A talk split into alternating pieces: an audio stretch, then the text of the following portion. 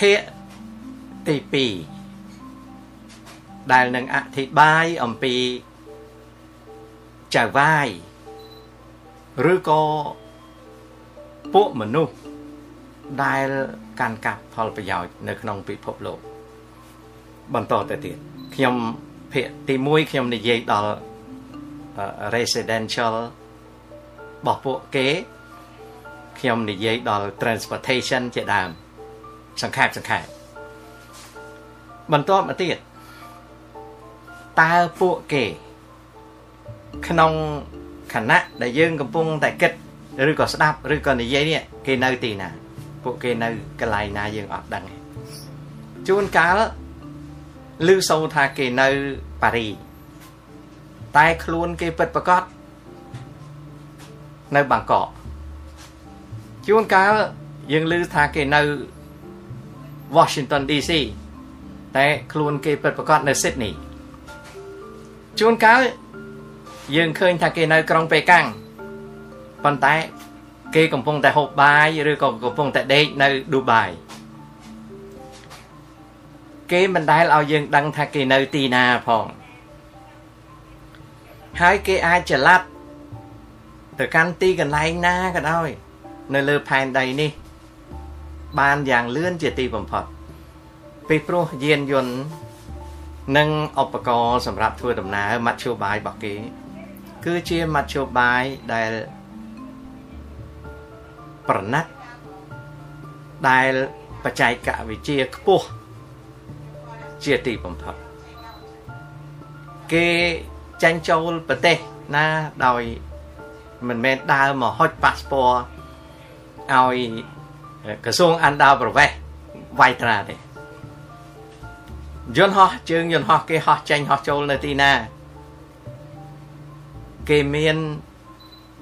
សិទ្ធិចុះចតនិងហោះចេញជាស្វ័យប្រវត្តិដែល Air Traffic Controller អឺអនុញ្ញាតគេមានលេខពិសេសដែល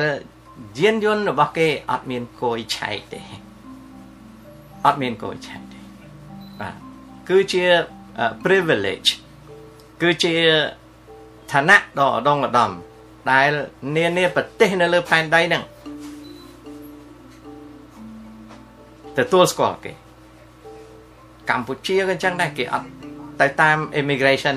ទៅតាម custom control ទេគេទៅតាមដែលយើងហៅថា VIP ប៉ុន្តែពួកគេនឹងជា super VIP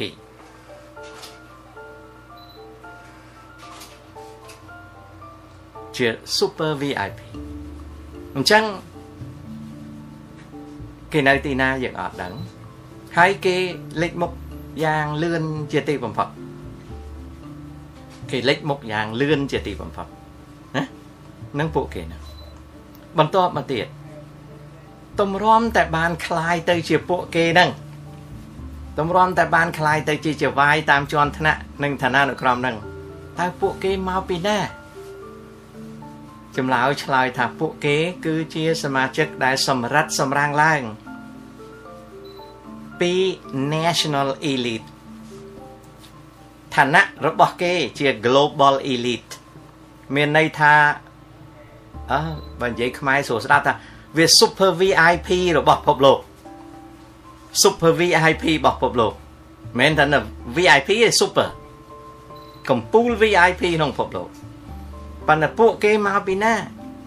ពួកគេមកពីណា គឺពួកគេត្រូវបានសម្រិតសម្រាំងបញ្ចូលមកក្នុងសមាជិកភាព តាមរយៈ National Elite ស្អីទៅហៅថា National Elite គឺ VIP របស់ប្រទេសមួយមួយពួកគេធ្លាប់ជាប្រមុខរដ្ឋធ្លាប់ជានាយករដ្ឋមន្ត្រីធ្លាប់ជារដ្ឋមន្ត្រីជើងចាស់ ជើងប្រកែធ្លាប់ជាអ្នកវិទ្យាសាស្ត្រធ្លាប់ជាឧត្តមសេនីយ៍ឯកឯកឯកឧត្តមសេនីយ៍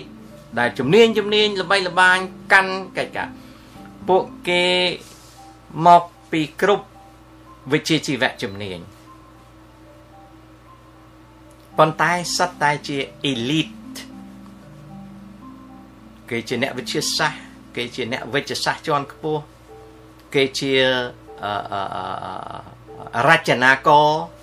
inventor លក្ខនឹងលក្ខពួកគេជា super banker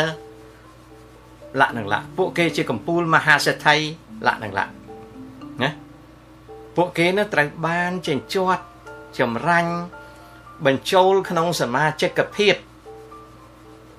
នៃឋានានុក្រម Global Elite ឬក៏ហៅថា Super VIP ពិភពលោក តាមរយៈការចម្រាញ់ពី VIP តាមប្រទេសមួយមួយណាមិនមែនគ្រប់ប្រទេសទាំងអស់អាច qualify ណាមិនមែនតាមគ្រប់ប្រទេសទាំងអស់អាចคลายខ្លួនទៅចឹងទេទាល់តែគេរើសមិនមែនយើងទៅដាក់ពាក្យចូលបានទេគេទេមកអញ្ជើញយើងដំបូងគេអញ្ជើញយើងដោយឥតដឹងខ្លួន រហូតដល់ក្រោយមកទៅគេឲ្យសញ្ញាណយើងគេប្រាប់យើងថាយើងបានមកដល់កន្លែងហ្នឹងហើយគេជាអ្នករើសជាជាគេមាន network of global recruit global recruitment ដែលយើងពេលគេគេ recruit យើងនឹងយើងអត់ដឹងថាគេ recruit យើងផងគេជាអ្នក qualify យើង គេព្រមទៅយើងចូលក្នុងទ្វេគេបានគេជាអ្នក ទាញយើងតម្រង់ជួរទ្វេទី1ទ្វេទី2ទ្វេទី3ទ្វេទី4ឡាក់នឹងឡាក់អញ្ចឹងណាណាអញ្ចឹងអញ្ចឹង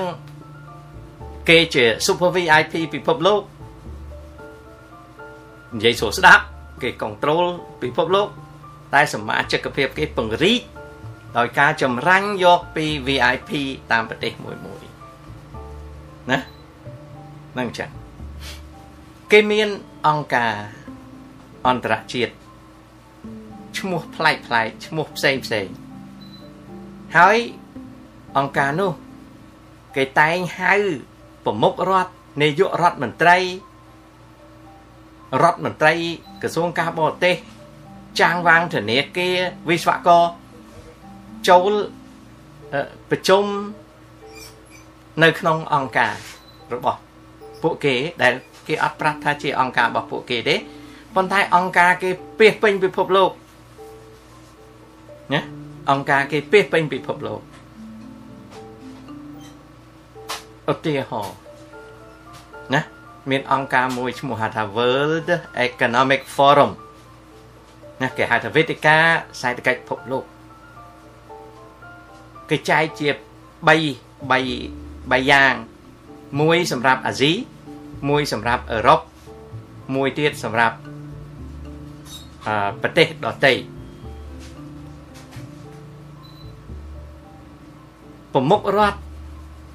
រដ្ឋមន្ត្រីក្រសួងសេដ្ឋកិច្ចជាតិរដ្ឋមន្ត្រីក្រសួងហិរញ្ញវត្ថុចាងវាងធនាគារអ្នកជំនាញធំធំ VIP នៅក្នុងរដ្ឋមួយចំនួនដែល qualify ចូលប្រជុំនៅក្នុងអង្គការ World Economic Forum ណា WEF នងគ្រាន់តែជាផ្នែកមួយ ដែលខ្ញុំរកឃើញថាកន្លែងហ្នឹងគេ recruit ដំបូងនាយករដ្ឋមន្ត្រីក៏គេអត់ហៅដែរប៉ុន្តែគេហៅអាហ្នឹងគេឲ្យឡើងថ្នាក់ណាគេចាប់ដើម recruit យើងទៅពីដើម World Economic Forum អត់មានងាយបានអាស៊ីចូលទេឥឡូវហៅចូល អង្គការមួយទៀតដែលជាអង្គការមិនទៀងទាត់ដែលគេហៅថា G7 ឬ G8 ណាអង្គការមួយទៀតគេហៅ G20 ណាអានោះសត្វតែជា recruit center របស់អឺ VIP ពិភពលោក super VIP ពិភពលោកណា គេ recruit យើងតាមរយៈអង្គការហ្នឹងតាមរយៈ G7 G8 តាមរយៈ G20 លាក់នឹងលាក់តាមរយៈ World Economic Forum លាក់នឹងលាក់តាមរយៈអង្គការផលប្រយោជន៍នៅអឺរ៉ុបដូចជា Bilderberg លាក់នឹងលាក់មានច្រើនណាស់ដែលជា recruit centers ដែលគេប្រើសម្រាប់ចម្រាញ់ នាំចូលនៅសមាជិក VIP ពិភពលោកណាហើយការប្រមូលចូលទៅក្នុង VIP ពិភពលោកហ្នឹងគេអត់រើសនិន្នាការនយោបាយទេណាគេអត់រើសនិន្នាការនយោបាយពូលគឺអ្នកនឹងជាកុម្មុយនីសអ្នកនឹងជា socialist អ្នកនឹងជា capitalist អ្នកនឹងជាស្ដេចអត់មានបញ្ហាទេពីព្រោះទៅដល់នោះ អាមនោគមវិជ្ជាឬក៏របត់មនោគមវិជ្ជាអស់ហ្នឹងលែងមានសារៈសំខាន់ដែរសារៈសំខាន់គឺមនុស្សហ្នឹងបានទៅដល់ហើយคลายទៅជា super VIP ពិភពលោកមនុស្សហ្នឹងអាចយើងហៅថាមនុស្សគេហៅថា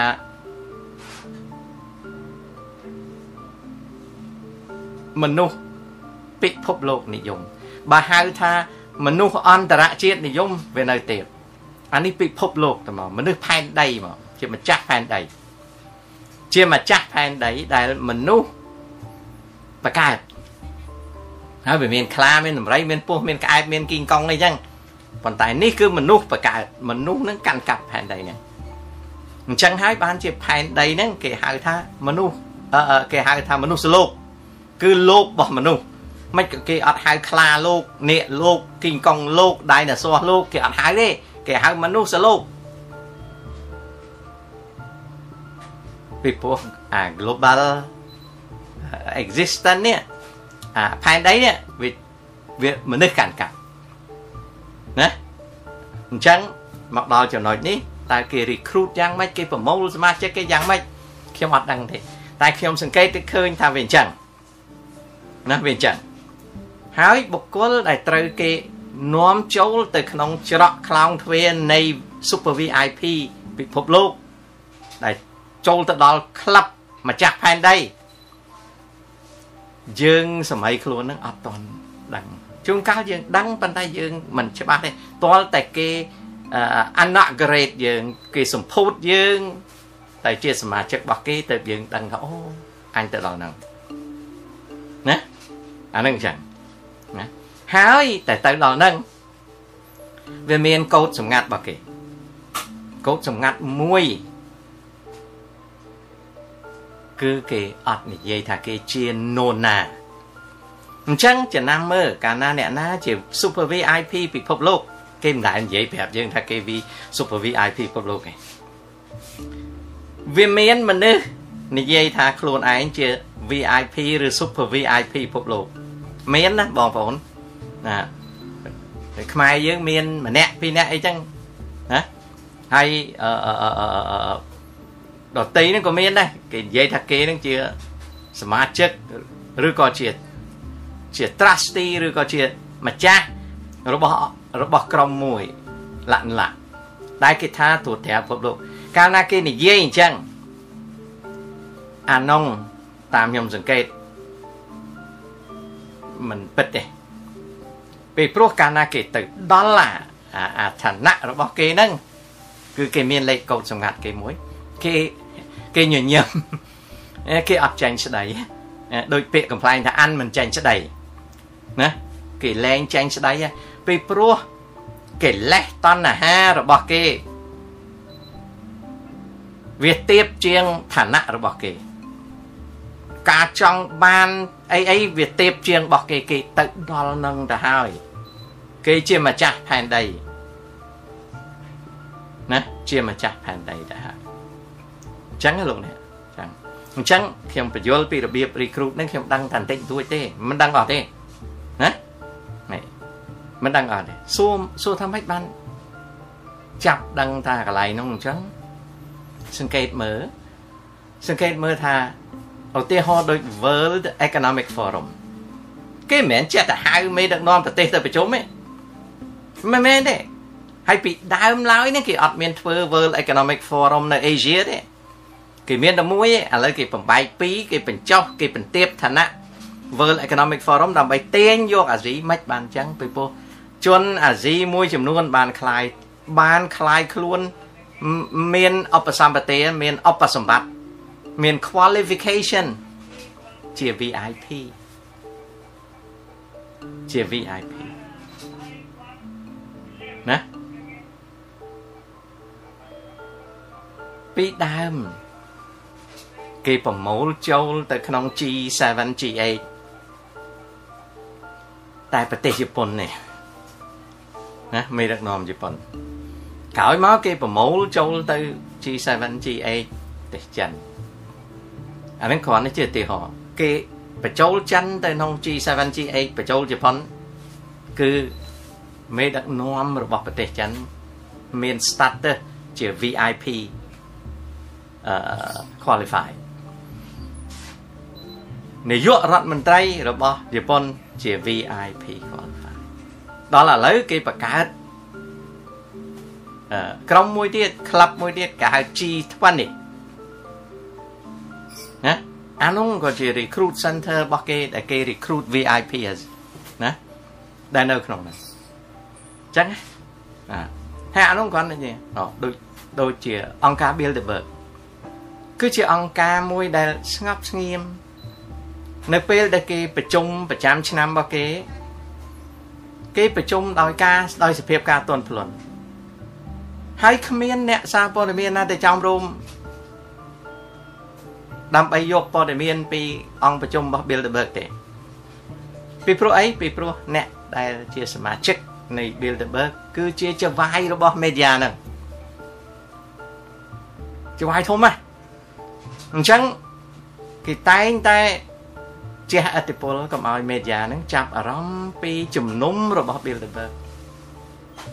ហើយនៅពេលដែល Bilderberg ទៅប្រជុំនៅកន្លែងណាសូម្បីតែព្រៃ 30 40 100ហិកតាជួនកាលរហូតដល់រាប់ពាន់ហិកតាជុំវិញបរិវេណនៃប្រជុំហ្នឹងគេសម្អាតកន្លះឆ្នាំចិត្តមួយឆ្នាំមុនហើយនៅពេលដែលគេចាប់ដើមប្រជុំហ្នឹងគេដាក់សន្តិសុខនៅពេញដីពេញព្រៃជុំវិញកន្លែងប្រជុំ ដែលយើងមើលមិនទាំងឃើញផងឃើញឡានបលិសផ្លឹបផ្លែផ្លឹបផ្លែមួយមួយតើក្រុមនឹងវាមានអតិពលល្មិចបានជាអាចប្រើប្រាស់សេវាកម្មរបស់រដ្ឋមួយដែលពួកគេទៅប្រជុំហ្នឹងយ៉ាងស្ងាត់ស្ងៀមហើយគ្មានអ្នកកសែតណាមួយទៅពីព្រោះអ្នកកសែតហ្នឹងអត់មានមុខសញ្ញាទៅ ឧទាហរណ៍ថាខ្ញុំធ្វើការជាអ្នកសារព័ត៌មានរោទៅ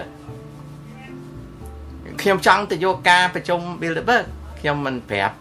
Bureau Chief របស់ខ្ញុំ